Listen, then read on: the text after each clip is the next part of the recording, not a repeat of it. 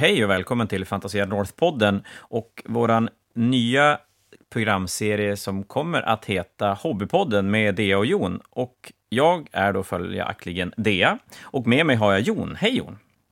Tjenare!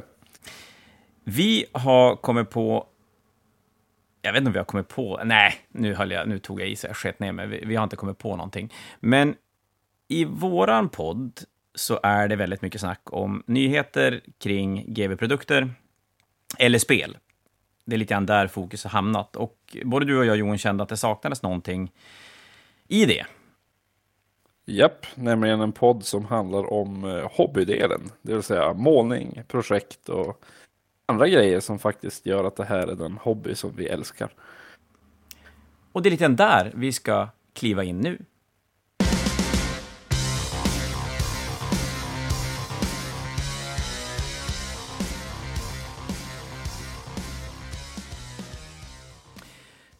Så, om vi gör så att vi pratar, vi kanske ska berätta lite mer om, om baktanken med den här poddserien och så sen eh, går vi vidare från det. Men som sagt, som det sa i introt där, så tänker vi att vi ska försöka lägga lite mer fokus på eh, hobbydelen i våran hobby. Lät det där dumt? Ja, det gjorde det, men det är okej.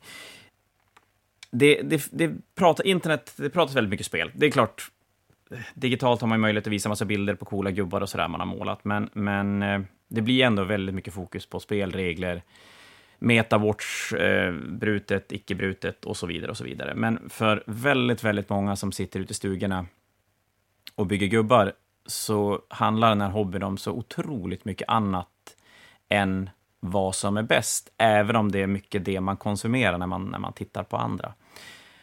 Och det är där vi på något sätt försökte tänk, tänkte försöka plocka upp eh, den här eh, programserien.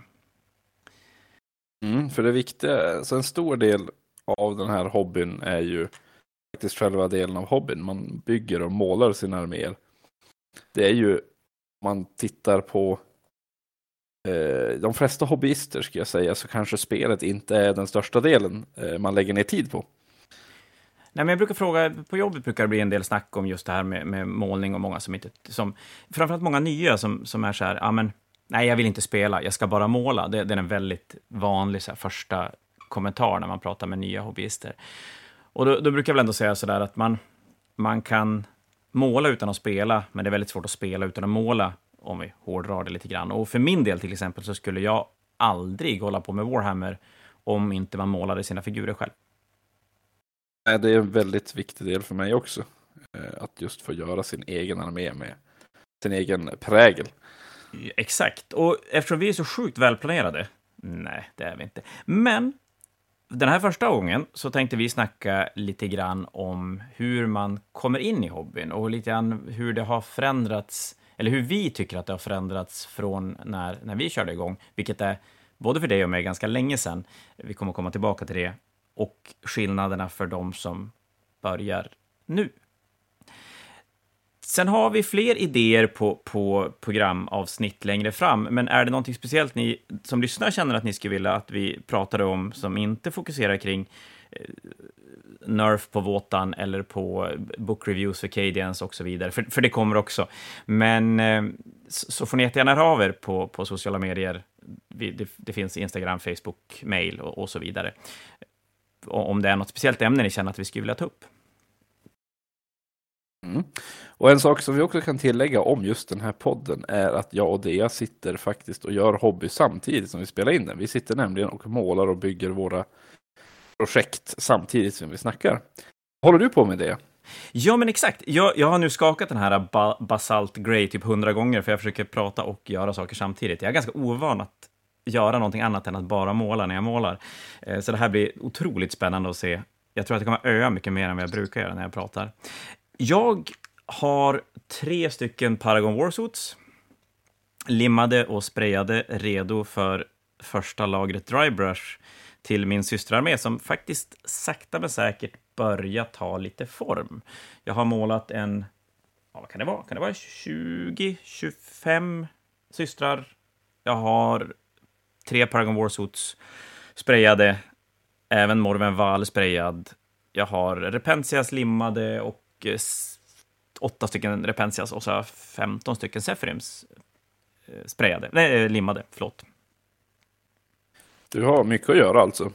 Ja, vi får se hur mycket det blir gjort, men idag ska det kanske få drybrushas lite grann. Du då Jon, vad är det Space Marines? Ja, kom igen, Space Marines.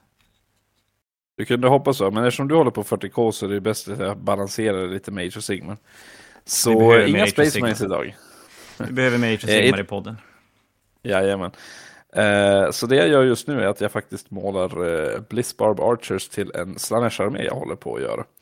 Jag hade tänkt att den skulle bli riktigt sådär snygg. Alltså snygg, Så- snygg. Så inte färdig alltså. Alltså att det lär väl dröja ett par år innan vi ser den på bordet, men Men den blir snygg. den ska bli, den blir snygg. Det blir snygg. Det brukar bli snyggt när du lägger manken till. För er som inte har sett Jons målade projekt så är det sällan det är någonting som inte är snyggt som, som ställs ut. Det får vi väl lov att vara, vara lite sådär. Tack så mycket. Och säga. Tack så mycket. Eh, Men det märks ju också på skillnaden på kvant... Eh, jag tänkte du gick igenom eh, ganska många saker du hade på, Ja, på lager där. och jag, jag, jag, gör sitter... Jo, men jag sitter här med två.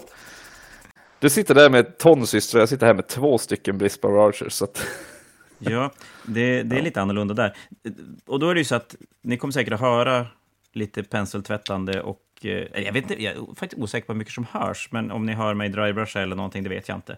Eh, Det är alltså vi som målar. Tanken också är att våra projekt som vi gör kommer att fotas och läggas ut på Instagram, på Fantasia North Sweden eh, på Instagram. Finns länkat i program, eh, programbeskrivningen här också på Soundcloud eller vart ni nu lyssnar på, på poddar. Eh, så att ni får se lite grann vad vi gör för någonting, att vi inte bara låtsasmålar. Eftersom alla tror att jag bara låtsasmålar och låtsasspelar så ska vi, måste vi då lägga ut lite bevis. Herrejösses, det här är... Paragon Wars har jättemycket detaljer. Ja, det är fantastiskt att höra dig och prata och måla samtidigt. Det är... Nej, händer inte ofta. Nej, det är jättekonstigt. Det här, det här kan bli exakt, kanske bli absolut sämsta poddavsnittet vi någonsin har släppt. Men eh, det, det här, ni får se det här som absolut första avsnittet vi släppte. Det är mycket testa, helt enkelt. Jaha, men det var det. Det var våra målarprojekt. Var det. Jajamän, Men- då kanske vi ska kolla hur du kom in i hobbyn. Det. Ja, men exakt. Vi, vi gör väl så att vi kliver in i det vi hade tänkt lägga fokus på i den här hobbydelen. Och det är som sagt, hur börjar man måla, spela? Vart, vart, kommer man ifrån? Nu, alla förstår ju att det här är ju hundra olika berättelser om man frågar hundra olika personer. Vi kanske ska titta lite mer på likheter på, fr, från olika. Min egen lilla hobbyhistoria är ju jag giss, den, den är nog lite annorlunda än för många andra, i alla fall när vi kommer in en bit in i den, så vi får se hur långt vi, vi rullar den här. Men egentligen, mitt hobby, hobbyande, mitt målande och byggande kommer egentligen från min, min kära far som byggde lite byggsatser på 70-talet. Och kanske egentligen mer var en sån som köpte tidningar och böcker och, och ja men, så många hobbyister nu, att man konsumerar andras hobbyande, fast då genom tidningar.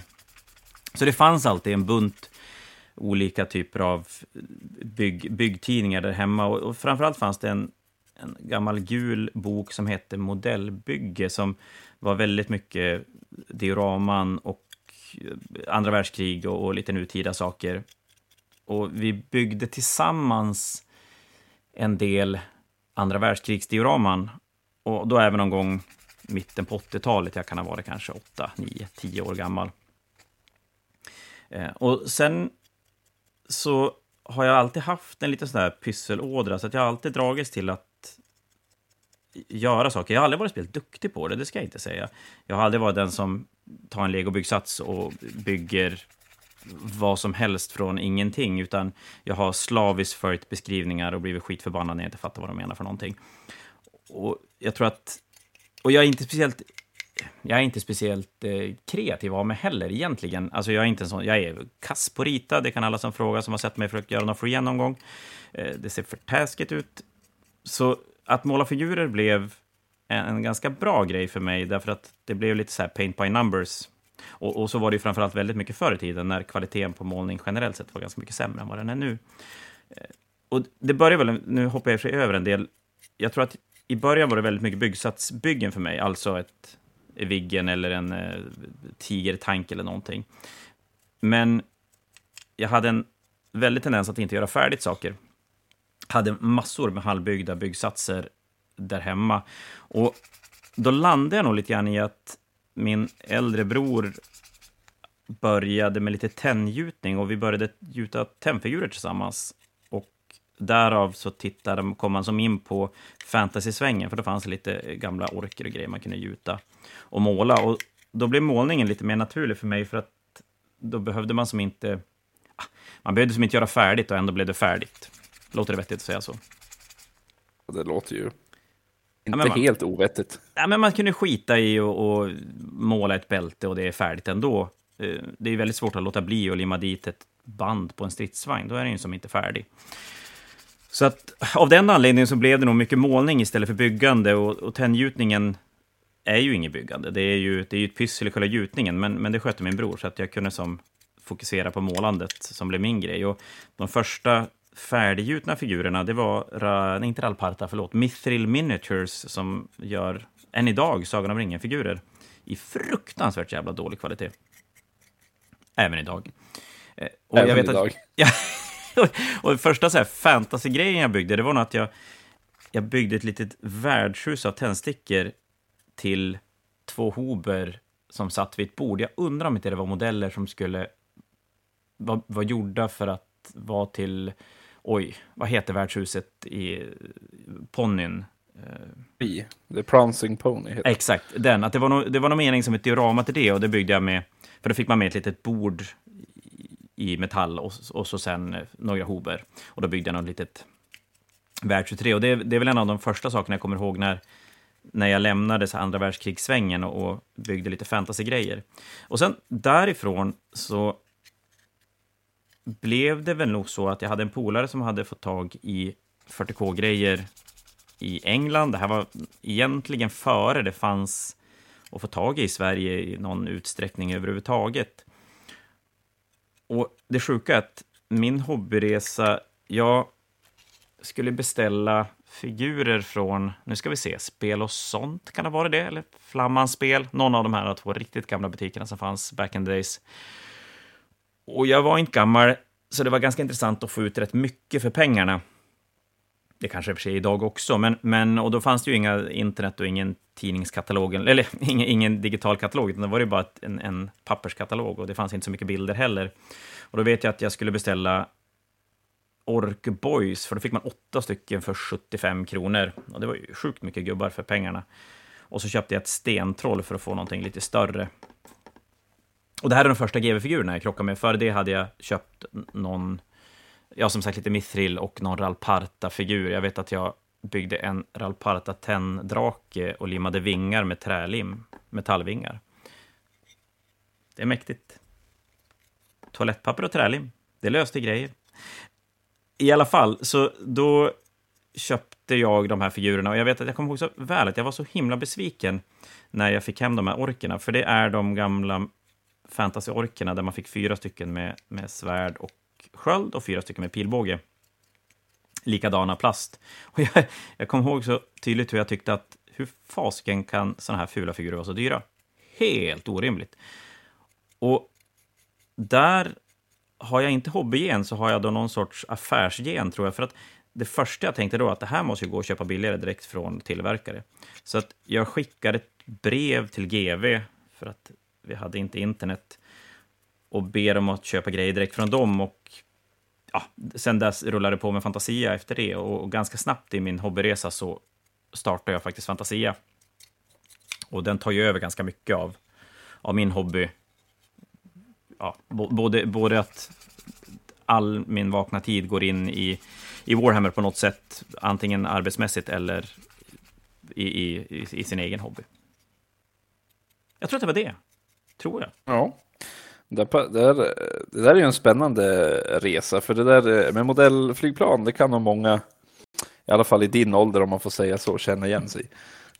Ja, men det tror jag. Jag tror att de flesta som, som är 40 plus har byggt en stridsvagn eller ett flygplan någonstans på vägen. Och, och frågan är ju hur vi klev från det till att hitta till Warhammer. Och jag, jag tror, jag tror faktiskt att ganska många med mig är sådär att man behövde, ja det nämnde jag i inte, men att jag tror att många behöver någon sorts driv i sitt, sitt målande. Att även om man inte är aktiv spelare eller spelar spelet mycket, så just den här att göra färdigt en armé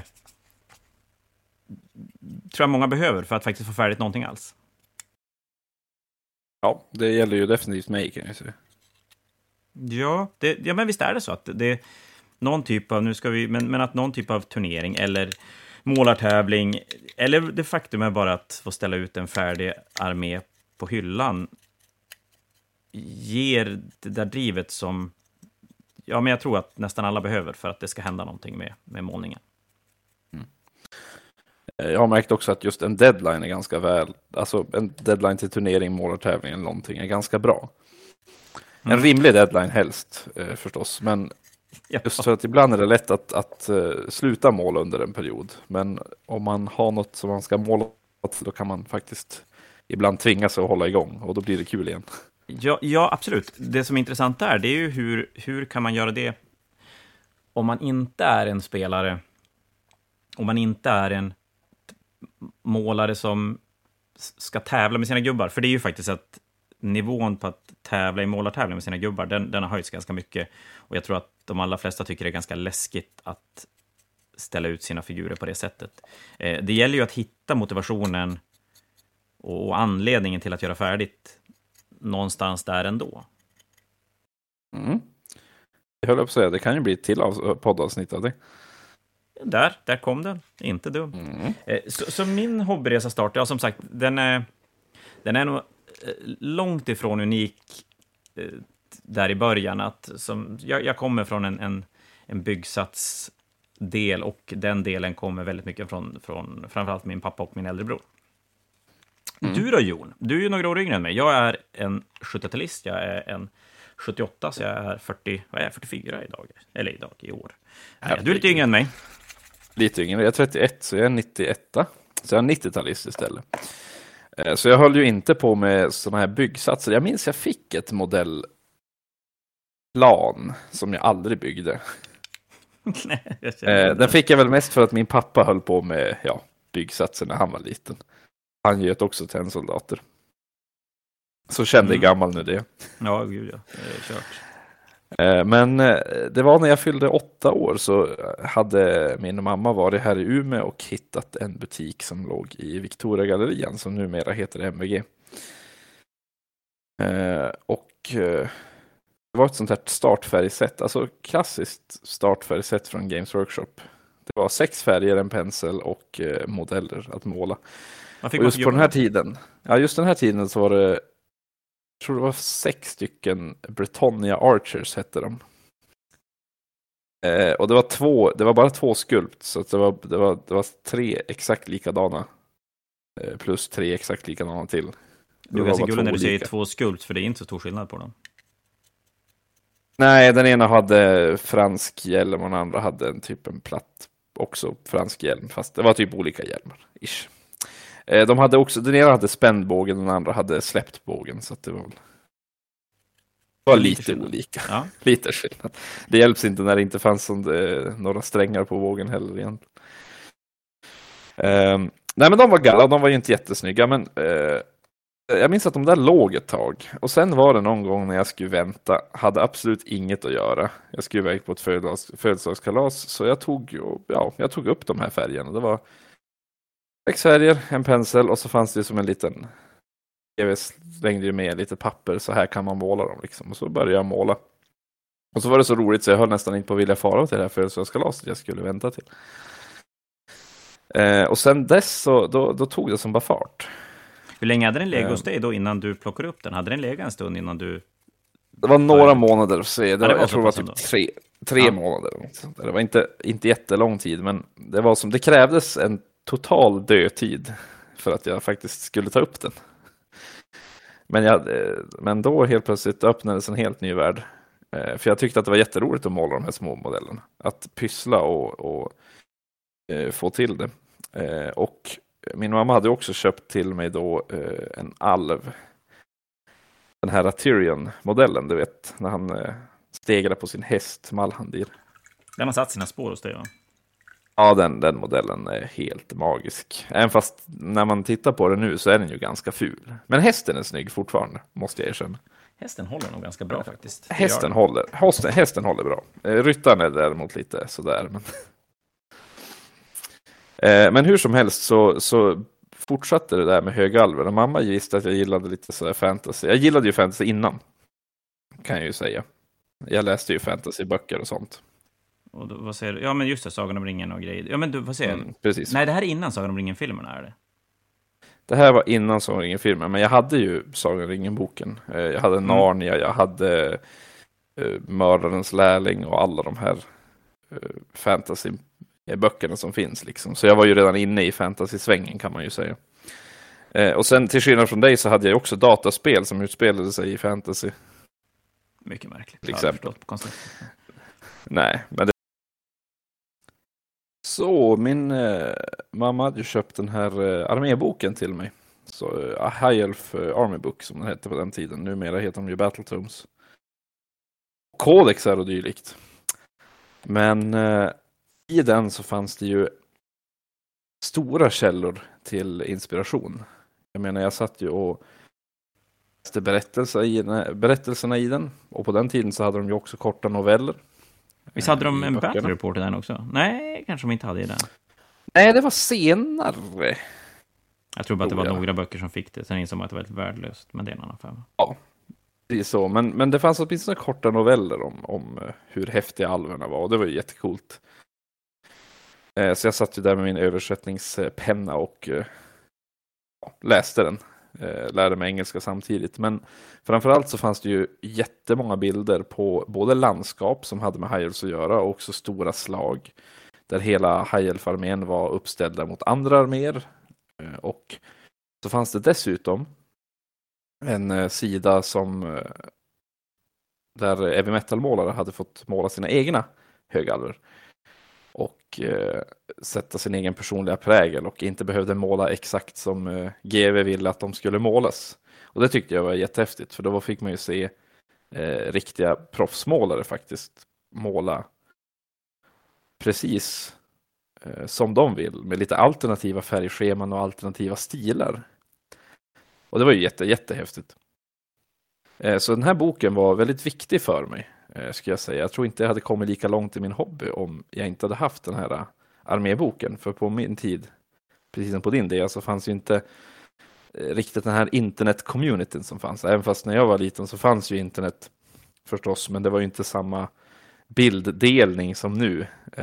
Det var ju inget stort community på internet. Och om man skulle dela på en bild på internet så fick man ju vänta kanske tio minuter innan hela bilden hade laddats färdigt. Det, det är annorlunda. Nej, när jag började fanns det faktiskt inget internet alls. Det var ju White Warfen och alla typer av kodexar och liknande otroligt viktiga för att få, som du säger, den där inspirationen som man får rätt mycket av nu för tiden. Jag måste bara få avbryta Ja. och säga en sak. Vet du hur jävla mycket trims Parang Warsut tar? Det tar ju aldrig slut. Nej, det gör ju inte det. Du får bara fortsätta måla. Mm, Tur att det bara blir tre stycken och inget mer än så. Ja, du, Ja. ska inte ha knäckebruten alltså. Nej, nej, nej, Mm. jag är för dålig för det. Nej, men just den, här, just den här boken var väldigt, väldigt viktig för inspirationen. För att då kunde jag bygga terrängen. Jag försökte efterlikna allting i den här boken. Jag kunde bygga terrängen, jag kunde försöka måla som jag såg på bilderna till exempel och allting. Eh, och så öppnade jag upp världen för att då fick jag ju också se att det fanns andra arméer. Det fanns ju som en större värld utanför de få modeller jag målade. Eh, så då förstås, efter ett tag så hade jag målat färdigt allting. På den tiden då man faktiskt målade färdigt allting man hade. För att man hade inte så mycket. Ja, det är lite annorlunda nu kanske. Mhm. Eh, men då var jag tvungen att köpa mer, så då får vi ju till Umeå. Men då hade ju den här butiken i eh, vid Victoria-gallerian. Eh, den hade ju lagt ner. Så eh, då fick man ju hitta en annan butik och som tur var så hade farsan hört talas om ett ställe som sålde dem i Umeå. Och det var ju nämligen din butik det. Ja, och då, vad är vi då? Då är vi... Vilket, vilket år är vi då? Det måste ju vara tidigt 2000-tal, 2000... 2000 tidigt, kan vi säga så? Sagan om ringen, hade det kommit? Eh, jag är osäker. Det var inte det som jag introducerades med. Ja, jag tänker mig att eftersom Eh. du kom in och fick ett demospel så hade det varit precis när Sagan om ringen kom så undrar jag om det inte hade varit Sagan om ringen som du hade blivit Det måste, vara, det måste vara före. För du, du hade inte ens ett demobord för Sagan om ringen. Nej, nej, då är det före. Och då är vi... Sagan om ringen kom var då 2001, kan det vara så? Tror jag. Det kan vara så. 2000, ja, någonting sånt. Ja, men vi är där någonstans, eller millenniumskiftet någonting. Någonstans där vid millennieskiftet så kom jag då in på Fantasia. Då var jag ung, kan vi ju säga. Eh, som jag, det måste ha varit 2001, tror jag. Eller 2000, någonstans där. Ja, men det kan nog stämma 2001, och för att Sagan om ringen kom eh, hösten 2001. Mm. Och jag kom till Fantasia tidigare. Och då eh, så hade vi ju den coolaste expediten eh, någonsin med eh, väldigt mycket hår också kan jag säga. Men det finns ju till och med bildbevis på det. Mm. Tjockt svart hår. Eh, där du fick då, du, du högg ju direkt tag i mig. Eh, och eh, ja, förhörde mig höll jag på att säga om eh, vad jag höll på med och vad jag, eh, hur det gick med hobbyn och om jag hade spelat för. Jag hade ju förstås aldrig spelat för. Eh, jag hade ju sett i min, i min armébok att modeller hade siffror, men jag, jag kunde ju absolut ingenting om spelet. Så då visade du mig hur man spelade med ett demospel. Det var orker mot Empire på den tiden. Ja, precis. Då är vi i... det blir sjätte editionen fantasy blir det. När man fick med Mm. Empire och Orker i startlådan. Är du säker på att det inte var femte? Ja, för femte det var... Eh, eh, nu ska vi se. Eh, Lissarmen och Britannia var det. Ja, just det. Så sjätte editionen fantasy hade kommit. Ja, exakt. För, och för fjärde editionen det var High Elf och Goblins. Och sjunde blev Battle for Skullpass. Precis. Och åttonde var Iron och Blood. Exakt. Här har vi det. Eh, så sjätte, tidigt sjätte skulle jag nog tro. Eh, Ja, den kom, den kom millenniumskiftet. Kom den 2000, alltså i början på 2000. Så den kan inte ha funnits ute mer än kanske ett år. Ja, men då så. Eh, så då fick jag ju ta det här demospelet och eh, det var ju jättehäftigt. Det var ju faktiskt på riktigt jättehäftigt. Det var ju typ det roligaste jag gjort. Vid den tidpunkten. Eh, så då var det ju bara att fortsätta där. Då var det ju bara att köpa mer modeller och, och försöka lära mig spelet. Eh, Men jag kunde ju fortfarande, jag, jag tog ju hem det till Vilhelmina, jag bodde ju mitt ute i ingenstans förstås. Eh, Men mina kompisar som hade ungefär samma intressen som jag försökte ju introducera till det här och det gick ju bra för alla tyckte ju att det var ju kul. Så alla borde tycka att det här är roligt, det är ju fantastiskt. Spelade ni rollspel när Eh. ni var liten? Innan det? Nej, jag spelade aldrig rollspel faktiskt. Så den, den världen är faktiskt fortfarande ganska ny för mig, ifall jag skulle börja med det. Men nu har jag ju inte tid, jag håller ju på med Warhammer. Ja, men eller hur? Ja, det tänker vi. Det, det har en tendens att sänka lite tid, så är det ju onekligen. Ja, så är det.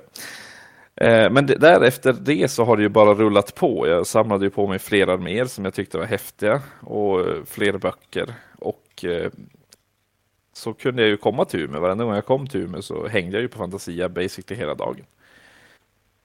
Och fick insupa lite nördkultur kan man väl säga. Ja, det blir ju, gissar jag, väldigt speciellt att få, få vara runt andra som tycker om samma saker som man gör själv. Att man, man har något gemensamt att prata om, även om man egentligen inte alls har något gemensamt i övrigt. Och, och det är väl det som är ganska speciellt med vår hobby. Och det var ju det som var väldigt viktigt med att jag skulle kunna fortsätta med den här hobbyn. Det var ju att jag fick mina kompisar hemma i Vilhelmina att, att vara med på tåget. Så vi alla började ju beställa från Fantasia då. Mm. Eh, och då fanns ju internet till slut. Så, eh, du hade ju faktiskt en, hem, en webbshop till slut. Ja. Det var innan speltid, webbshoppen, utan du hade din egen ja, men exakt. Eh, lilla det, webbshop. det var inte så himla avancerat. Och då, någonstans, din hobbyresa kommer grann, måste ju då komma lite grann av att dina föräldrar tyckte att det här såg ut som en, en kul grej. Men att det är på ganska mycket slump som det faktiskt ges en chans. Ja, det blev ju som det, för det var ju inte som att, jag menar, det var sex färger i ganska konstiga burkar också, de svarta skruvkorkarna. Ja, du ihåg skruvkorkarna det? Jo, jo, ja, de gick ju aldrig öppna. Det var inte de trevligaste burkarna heller, nej. Eh, nej, så det var ju inget som jag bara tänkte att det här är någonting som jag skulle tycka om, utan det vart ju bara som slumpen att jag testade. Slumpen att mor och far såg det och tänkte att det här skulle jag tycka om.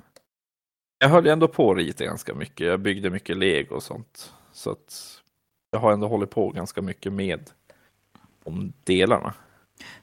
Från, från Lego har vi nog ganska många som, som kommer in i, i Warhammer-hobbyn. I alla fall förut skulle jag tro att det är många som har gjort. Eh, det jag tycker är lite intressant, för nu, både du och jag har föräldrar som har haft ett intresse av att jag menar, bygga byggsatser och, och någonstans eh, nudda i den här hobbyn. Men frågan är om alla har det. Jag väldigt spännande att se, för jag, nu så finns det ju jätte, jättemycket källor till... Alltså du kan ju krocka med den här hobbyn. Ja, men du kan ju egentligen bara snurra runt på internet lite grann, så helt plötsligt så dyker det upp figurer och, och man kan få veta egentligen allt utan att behöva känna en, en själ som, som pysslar med det.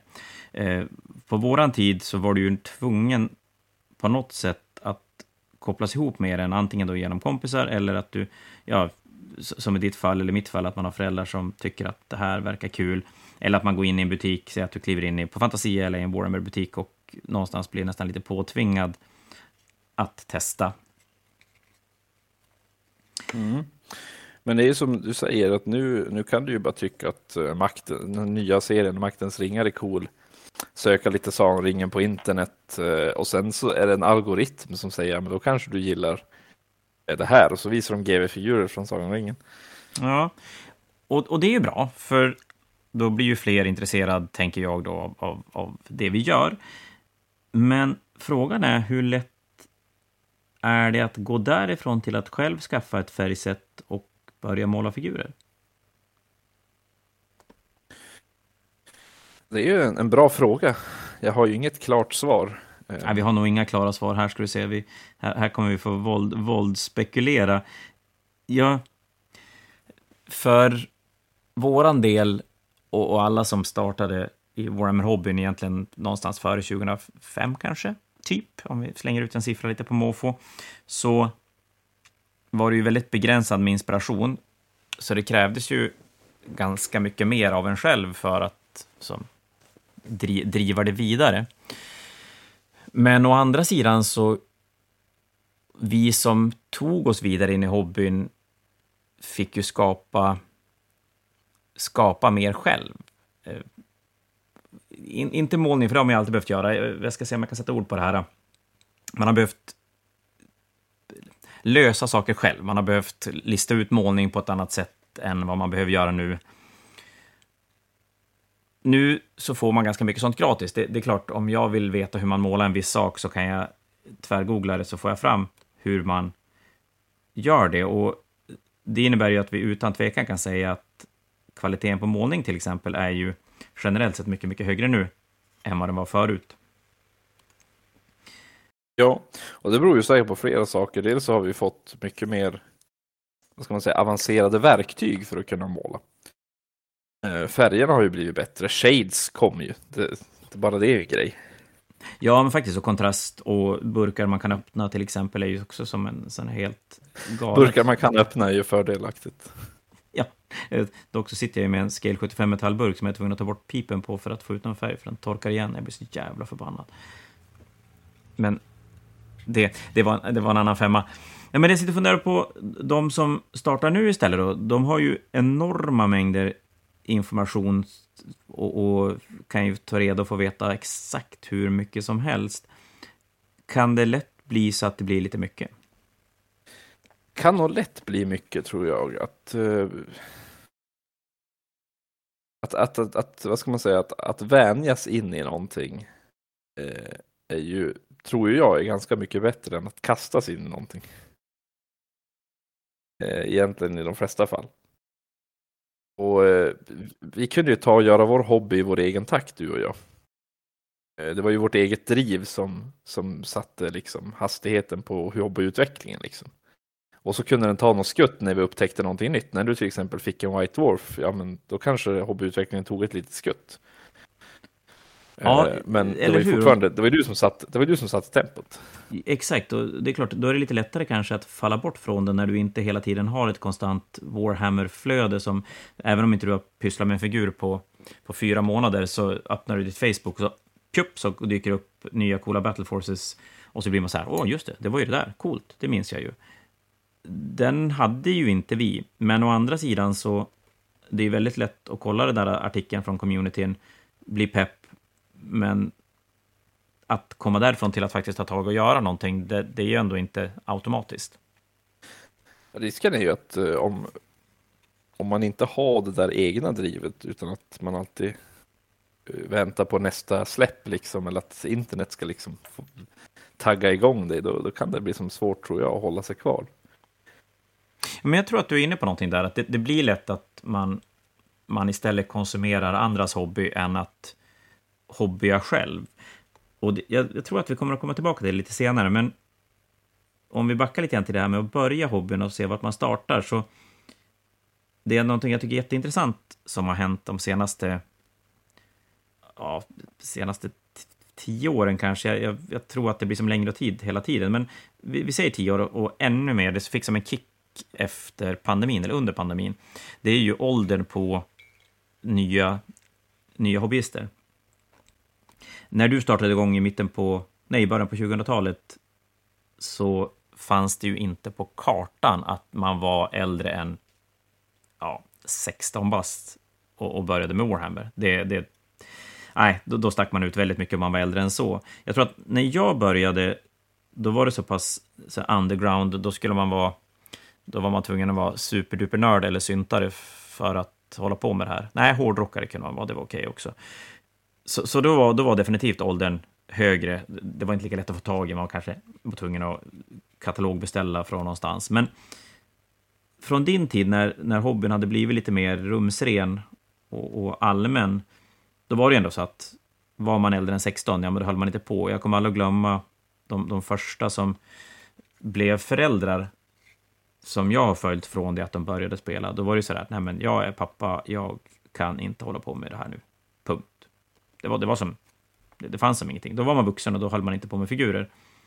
Någonting vi har sett på sista tiden, och som sagt tog lite extra fart efter pandemin, det är ju att jag, jag tror att på Fantasia till exempel så har vi definitivt startat igång fler 30-plussare de senaste 5-6 åren än vad vi har startat igång 12-13-åringar, skulle jag säga.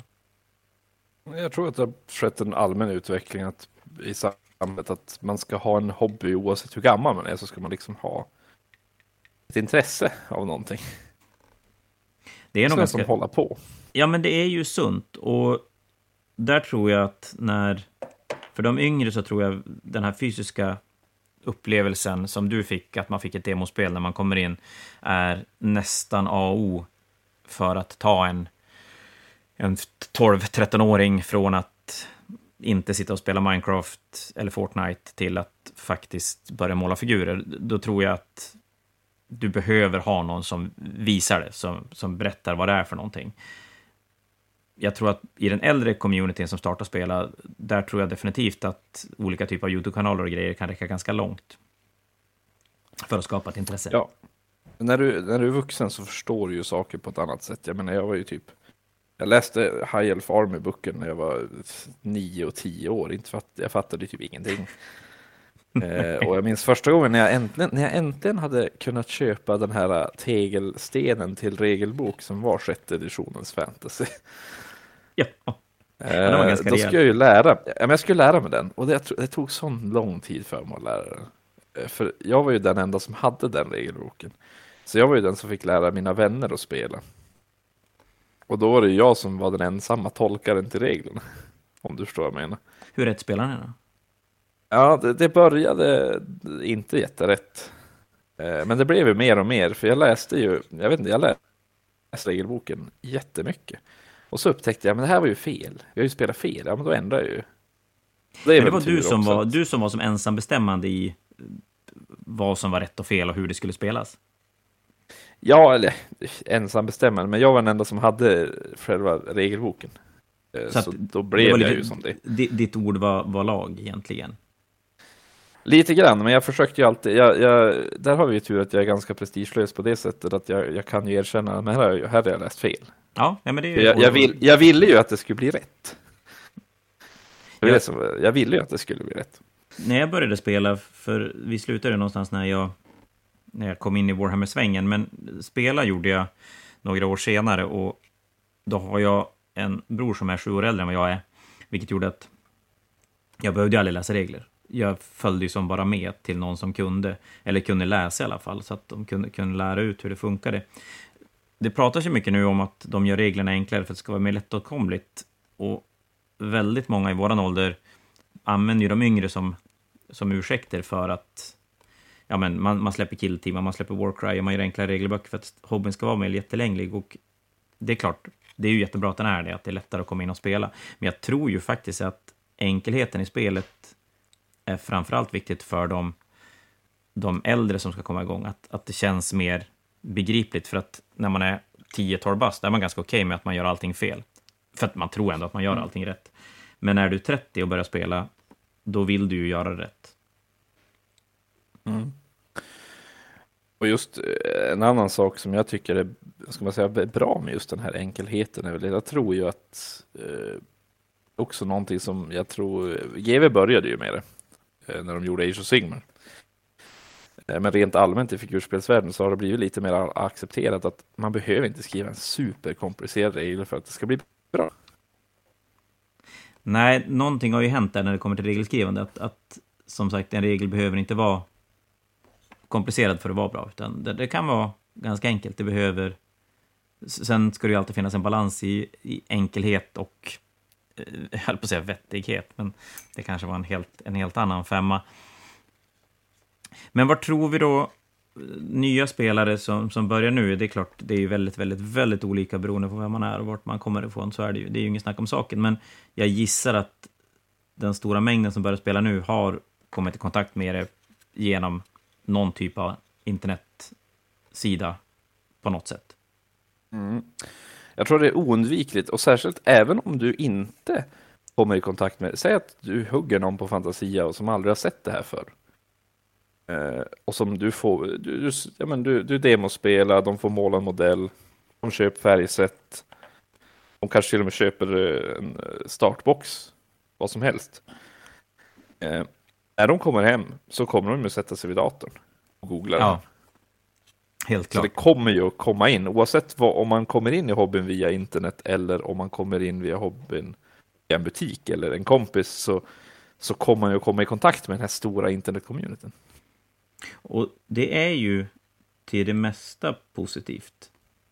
Det, det, går inte att komma ifrån att det är ju jätte, jättebra att det finns en, en stor massa människor som håller på och kan, kan berätta och visa och som guidar alla som vill i, i en riktning. Sen är ju alltid frågan om det är rätt riktning, för det är ju en annan femma. Och där har jag en, en tanke. Jag som har hängt med en stund och har om man ser Umeå till exempel, så, så väldigt många av de som är 30 och uppåt har kommit igång genom Fantasia på något sätt. Att man har fått ett demospel eller man har varit på olika mässor där vi har varit och testat måla figurer och så vidare. Man kan även ha kommit igång, självklart, med, med kompisars kompisar och, och sådär. Och det jag tänkte då när tiden gick, det var att andra generationen, fy fan alltså vad bra det här skulle bli, när alla som nu har spelat, även om jag kanske inte utgick från att man skulle spela vidare själv då, men att man skaffar barn och så gör man som det blev för mig, att man för över sin hobby till sina barn och så sen har vi bara en helt ny generation av spelare och den, ska säga, min generation, den kommer att försvinna bort för att man, man kommer att sluta. Där däremot var jag ju helt, helt ute och cykla.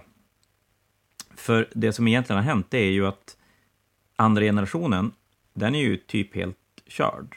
Det är otroligt få som av den yngre, 10, 12, 15 år som spelar, som har föräldrar som spelar. Däremot så slutar ju folk inte. Jag menar, jag sitter här 44 och målar trims på mina Paragon Warsuits och du är lite yngre men du sitter och målar. Eh, jag har en son som ligger och sover, tio år gammal. Han tycker att det är ganska tråkigt att måla figurer. Om man ska vara ärlig. Du, du har ju lyckats betydligt mycket bättre än vad jag har gjort i det fallet, ska man ju ärligt säga. Ja, vi får väl se hur bra det är. Min son är inte heller jättepigg på att måla, men han är åtminstone pigg på att spela. Ja, jo, det, är klart. Det, Sion tycker väl om att spela också, det, det gör han ju faktiskt. Men den, den tycker jag är lite intressant, att om man ser på de yngre som kör igång och spelar nu, så är vi ändå tillbaka till hur det var när du började. Att många som börjar har föräldrar som på något sätt har varit i kontakt med det på något sätt. Men väldigt få har ju hållit på mycket, utan det är oftast att de har haft någon kompis eller sådär, eller att de har sett att det funnits i skolan när de var liten. Men de flesta som håller på, de lyckas inte föra över sin hobby till sina barn. Nej, och det, det tror jag, jag, jag har ju mina hypoteser om, om varför till exempel min son inte är så förtjust i att måla. Ja, jag ska se, jag, jag har också, det. så du kan börja. Ja, kan jämföra. Jag tänker mest bara att det handlar lite om eh, det vi pratade innan om att eh, göra sin hobby i sin egen takt. Ja. Eh, när jag målade, när jag började måla så fanns det, jag hade ju en, en bok med i som jag kunde jämföra mig mot och naturligtvis så så var ju mina modeller absolut inte lika bra som dem. Men på något vis så såg jag inte det på samma sätt. Nej, och sen har du ju föräldrar som kommer in och alltså kommer ju vara super entusiastiska och imponerade i det du har gjort. Och inte egentligen för att det är snyggt, för att det har de kanske inte kapacitet att, eller inte orkar bry sig om att tycka, utan att det är mest att du, du har gjort någonting själv, du har pysslat, du har varit kreativ eh, och det är ju superpositivt. För oss, inte att inte vi tycker det om våra barn också, men, men eh, oundvikligen måste man ju titta på den och säga att oh, men du, du skulle ju kunna highlighta lite grann där på kanten, eller havossa den här jag, lite grann. Det är just, jag undrar om det är just det, att, att vi låter dem inte det är som oundvikligt att man inte låter dem att göra hobbyn i sin egen takt. Och dessutom att de också är en förälder som kanske sitter med och målar, men har ju åtminstone 20 års längre erfarenhet. Ja, men det är ju lite skillnad när, när man själv var liten och jag tänker även de som har all internet att titta på, men att för du och jag då till exempel som fick kolla en White Dwarf eller en Battletome för att se andra bilder där man nu kan, man kan googla bilder och grejer. Men, men det är klart, även det är ju en jättestor skillnad mot att vända sig till vänster och titta på sin pappa eller mamma som målar och bara, jag är ju inte lika bra på det här. Kan man ju lugnt säga. Eh, det är det som är grejen, att känna sig bäst. I, för jag menar, jag, jag, minns att även fast jag inte var lika bra som de på, jag såg på bilder, eh, så var, tyckte jag fortfarande att jag var fantastiskt bra. Men jag tror att det blir en skillnad när man sitter med en annan modell bredvid. Ja, men det kanske är som, jag menar, om du, om du spelar fotboll och är ganska, tycker att du är ganska grym och så tittar du på fotboll på tv och så inser du att ah, jag är inte så jävla bra, för att de där är mycket bättre. Men du kommer ändå känna dig ganska grym när du springer omkring och spelar med dina polare. Men, men om du har en polare som är för jävla mycket bättre än vad du är, ah, då är du ju inte så grym helt plötsligt. Nej, och jag gissar att det blir lite samma sak med målningen, så det är väl där vi förstör eh, våra barn på det sättet. Ja, men jag tror att det är definitivt en del av det. Sen, sen kan inte jag annat än att tänka att det är...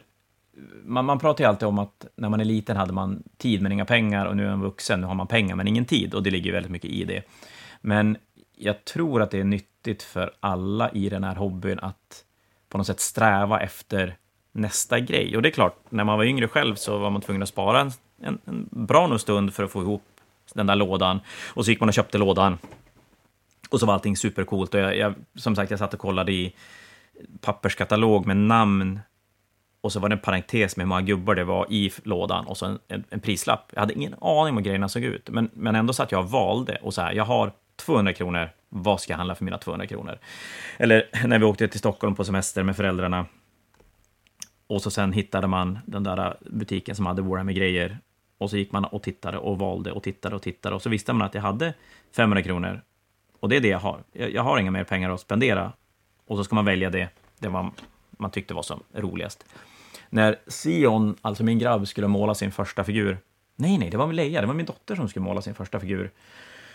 Jag satt och målade, hon var kanske fem, någonting sånt. Och, och så här, pappa, jag vill också måla. Man bara, absolut. Och så känner jag bara någonstans att men jag orkar ju inte ta fram, alltså.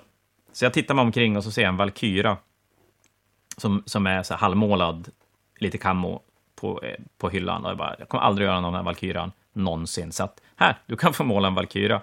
Och någonstans där är ju hon förstörd. För hon får ju som ingen som helst verklighetsuppfattning om vad figurer kostar, vad det, vad det är för någonting egentligen. Nej, särskilt som, som du säger, vi har ju så ohyggligt mycket omålade figurer som man bara kunde slänga på dem. Ja, men verkligen. Och, och då blir ju det... Jag tänker mig en, en väldigt unik sak med Warhammer-hobbyn, eller figurhobbyn i största allmänhet, är ju att inkörströskeln är ju, får man väl ändå säga, hög att, att ta sig in. Och när du, när du väl kommer till punkten att du har tillräckligt mycket för att spela en liten match, så har du spenderat ganska många timmar med att göra färdigt allting. Och då blir det ju svårare att bara släppa det på något sätt, känner jag. Att man, även om jag ska ha en jättelång hobb, alltså ett jättelångt break från Warhammer-hobbyn, så någonstans så finns det ju alltid där i bakhuvudet och gnager. Mm. Men om det är en ganska låg inkörströskel så blir det ju väldigt mycket lättare att kliva ut också. Och då har man ju som inte... Man har inte lika mycket tid inbakad i det, vilket gör att det är mycket lättare att bara glömma bort det. Jag, jag tycker att Magic är en ganska bra jämförelse. Magic är ju ett fantastiskt roligt spel och väldigt, väldigt, väldigt lätt att ge sig in i. Det krävs inte alls speciellt mycket för att komma igång och börja spela, men det gör ju att det är väldigt lätt att skaffa sin första lek, spela lite grann och sen bara lägga den åt sidan och sen kommer man aldrig tillbaka till Magic-spelandet. Men jag tror att om du har kommit till en punkt att du kanske har spelat en Warhammer-match och sen tappar det, så är det mycket lättare att man hittar tillbaka, för man börjar inse att ja, man, man har mycket mer tid spenderat i det, så att det är lättare att som, bli sugen på, på att komma igång, komma igång igen. Mm. Och det var just det med inkörsporten som du nämnde som fick mig att tänka på en, eh, en grej som gjorde väldigt mycket för mig, min hobby och mina vänners hobby. Och det var när själva inkörsporten sänktes. Eh, det var, eh, vad var det, sjunde editionen måste det vara. Battle for Skull Pass. Ja, men precis, för då gick ju eh, lådan innan Oj, det här borde jag... Nej, fan ska jag komma ihåg det här. Men jag, jag, jag skulle gissa att grundlådan innan Skalpas kostade 800-900 kronor och, och innehöll ju den här monsterregelboken, alltså typ 800, ja men skittjock med hur mycket regler som helst och, och allt i en och samma. Till då Skalpas, som när den kom första gången kostade, jag vill säga att den kostade 400 kronor. Det gjorde den. 399 satte ja, du den till. Eh, och det var ju helt magiskt. Jag menar, du fick över 100 modeller för 399 kronor plus regelboken. Och som jag sa tidigare så jag var ju den som var den enda som hade regelboken i min, mitt gäng. Eh, men när Battle for Skull Pass kom hade alla regelboken. För ja. den var så lättillgänglig och du fick, du fick ju så ohyggligt mycket grejer för, för det där. Alltså det var ju terräng. Det var ju props, den här bundna slayen till exempel. Det var en hel dvärgarmé, det var en hel eh, goblinarmé, det var, vad var det 112 modeller tror jag totalt. Ja, någonting sånt. Du fick en liten hydda och eh, grejer. Ja, och objektiv, alltså du fick allt. Plus en regelbok som dessutom inte var på eh, 6000 sidor, utan det var ju bara själva regeldelen i ett, i ett liten paperback. Ja, och även om det var lika mycket regler som förut, så som du säger, det blev det blev som lättare av att det var en mindre bok. Ja, och så framförallt så kostade ju, jag menar den regelboken, den kostade ju var 560 kronor i sin egen rätt liksom. Den förra. Ja. Eh, den stora och tjocka, medan den här hela lådan med alla modeller och allting kostade bara 399 kronor. Det var ju ingenting. Vet du hur jävla många sådana lådor vi sålde? Alltså, det var eh, jag helt sjukt. Har sett, jag har sett foton med kön ut på gatan. Vi fick ju, vi fick ju diplom från GV där det står typ eh, Congratulations to World Record Selling Most Battle of Skull Pass. och så räknar de bara retailbutiker, alltså icke GV-butiker. Jag tror att vi, vi slog... Nej, men det var, det var, det var Jag tror att det var två butiker i världen som sålde mer skallpaslådor. Det här var ju innan internet, så att det var ju verkligen så att lådorna som såldes, såldes ju i, i respektive butik. Ja, det var kuriosa. Det var lite kul. Det var en cool låda. Nej, men som du säger, ribban sänktes ganska rejält just där och då. Och det är nog bra. Nu pratade jag innan som att det var dåligt att det var en låg ribba, men det är klart, det ska ju vara rimligt. Så är det ju. Mm, det var ju jättesvårt att, börja spela, särskilt för kids, alltså på den tiden där jag började, känner jag, för det var så dyrt. Eh, du kunde inte, alltså, du kunde inte hålla, på hålla koll på regler själv, för att ska du spendera 600 spänn på en regelbok, det är ju halva armén nästan, höll säga. Det är ju jättemycket modeller, det var ju två elitlådor typ. Ja, det, det blir ju att, att, både ha, som du säger, att få tag i både regelbok och kanske du måste ha en, en kodex eller battletome och grejer för att få ihop det, och så ska du ha figurer. Och det ska jag ärligt säga att spelet, både 40K och fantasy på den tiden, krävde ju mer figurer för att vara ett rimligt spel. På ett helt annat sätt än vad det gör nu, för nu kan du ju spela mycket, mycket mindre och det, det funkar. Mm. Så det, jag tror att Battle of Skull Pass det var en ganska rejäl brytpunkt i GVs, ja men i Warhammer-historien. Den kommer att komma, den får vi nog alltid komma ihåg som en, en, en låda som förändrade hur vi såg på hobbyn. Faktiskt. Mm. Och det, det, som du säger, det, det, är ju en förändring, alltså det, det fortsatte ju. Även fast Skallpass kom aldrig tillbaka, det blev aldrig en till låda som kostade 300, eller alltså Nej. 400 spänn. Priserna gick ju eh, upp efter det. Jag tror Iron of Blood var väl på 849, så det var ju mer än dubbla priset. Medan du fick in, du fick fortfarande jättemycket modeller. Fick du ju.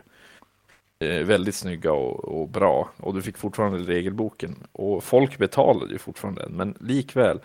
Den lilla regelboken var kvar. Eh, och det blev mycket lättare att som komma in i hobbyn. Och GW har ju behållit det ända tills nu. Jag menar, nu säljs ju eh, Generals Handbook varje år med uppdaterade regler. Och det är ju inte ett oöverkomligt pris för vem som helst. Nej, nej, det är ju mycket lättare att få den där regelboken för att kunna komma igång och börja spela. Sen kan vi alltid, men det tror jag blir för en annan gång, diskutera kring det här med att hur de släpper regler och hur lätt det blir för, för nya spelare att hänga med och, och hur mycket man ska... Vart man landar i sin hobby själv med tanke på hur GW väljer att, att släppa och visa... Eller ja, nu svamlar jag, men eh, skitsamma, jag försöker måla samtidigt som pratar, det är ju skitsvårt. Fast jag målar ganska mycket. Nej, men eh, för en annan gång så blir det nog ganska intressant att prata om vart, vart man är i hobbyn och, och hur man hur man kan få in de olika delarna, spel och, och målning och sådär, beroende på hur communityn ser ut där man bor. Eh, strunt samma. Mm. Men, ja... Det blir för framtiden. Det blir för framtiden. Men vad säger du, Jon? Jag vet inte alls om det här har blivit någonting vettigt. Jag tänker mig att det finns många där ute som kommer att tycka till, hoppas jag i alla fall. Det är... Det är lite lurigt att koncentrera sig på att prata samtidigt som man målar, så jag, jag kan eventuellt ha svamlat mer än vad jag gjort tidigare. Har du fått någonting målat? Det har jag fått, by the way. Uh, jag har fått uh, mer färg på modellerna än de hade från början. ju, kan man säga så? Det, det, det låter som... Uh, det låter inte så positivt som man skulle kunna vilja att det skulle göra, men det har hänt någonting i alla fall. Ja, det har det. Absolut. Jag har målat trims på två Paragon Warsuits. Det är ju nästan som att måla Chaos Space Marines där. Hemskheter. Ja, ja, det blir säkert någonting. Vad hemskt, du, du, blir, du verkar ju till och med bli färdig med någonting. Jag har som... Nej, jag har mer färg på modellen än när jag började, men det känns inte som att jag är riktigt färdig med någonting. Ja, men vi kanske lär oss, man vet ju aldrig. Men ska vi försöka sammanfatta vad vi har pratat om? Vi har fått berätta lite grann om vår hobbyresa och prata lite grann om, om ja, men, lite grann hur man kan komma in i, i hobbyn och, och olika ska vi säga fällor eller, eller hur det kan se ut för olika människor. Det här är ju ett ämne som man kan prata i timtals om egentligen, men det är väl frågan hur länge folk orkar lyssna på, på oss två. Det skulle vara superintressant att höra vad ni tycker, eh, både om det här avsnittet, vad vi kan göra bättre, om det finns ämnen som ni vill att vi ska ta upp, eller om det här är bara en helt förkastlig idé och vi bara skiter i den och pratar kodexar istället det ena kommer inte att, utesluta det andra. Det kommer att komma Battletomes och Codex Reviews i en högre takt. Det har varit lite tom, tomt om det på sista tiden för att andra saker i jobbet har tagit, tagit lite mycket plats. Men tanken är att den här hobbypodden ska återkomma, ska vi sticka ut hakorna och säga en gång i veckan, Jon? Vi kan ju alltid hoppas. Vi, vi gör ett försök i alla fall. Och eh, ni kan följa våra målade figurer på Instagram. Då får ni leta upp Fantasia North Sweden. Det där tillägget kom för att jag är så jävla oteknisk. Skitsamma. Eh, Fantasia North Sweden på Instagram så kommer det att dyka upp lite bilder på våran hobbyresa under Hobbypoddens gång. Men du Jon, då säger vi helt enkelt tack för ikväll till både dig och alla som har lyssnat. Det här var, om ett annat tror jag två stycken tyckte det var roligt och det var väl du och jag. Ja, det här var ju fantastiskt. Det här måste ja, vi göra om.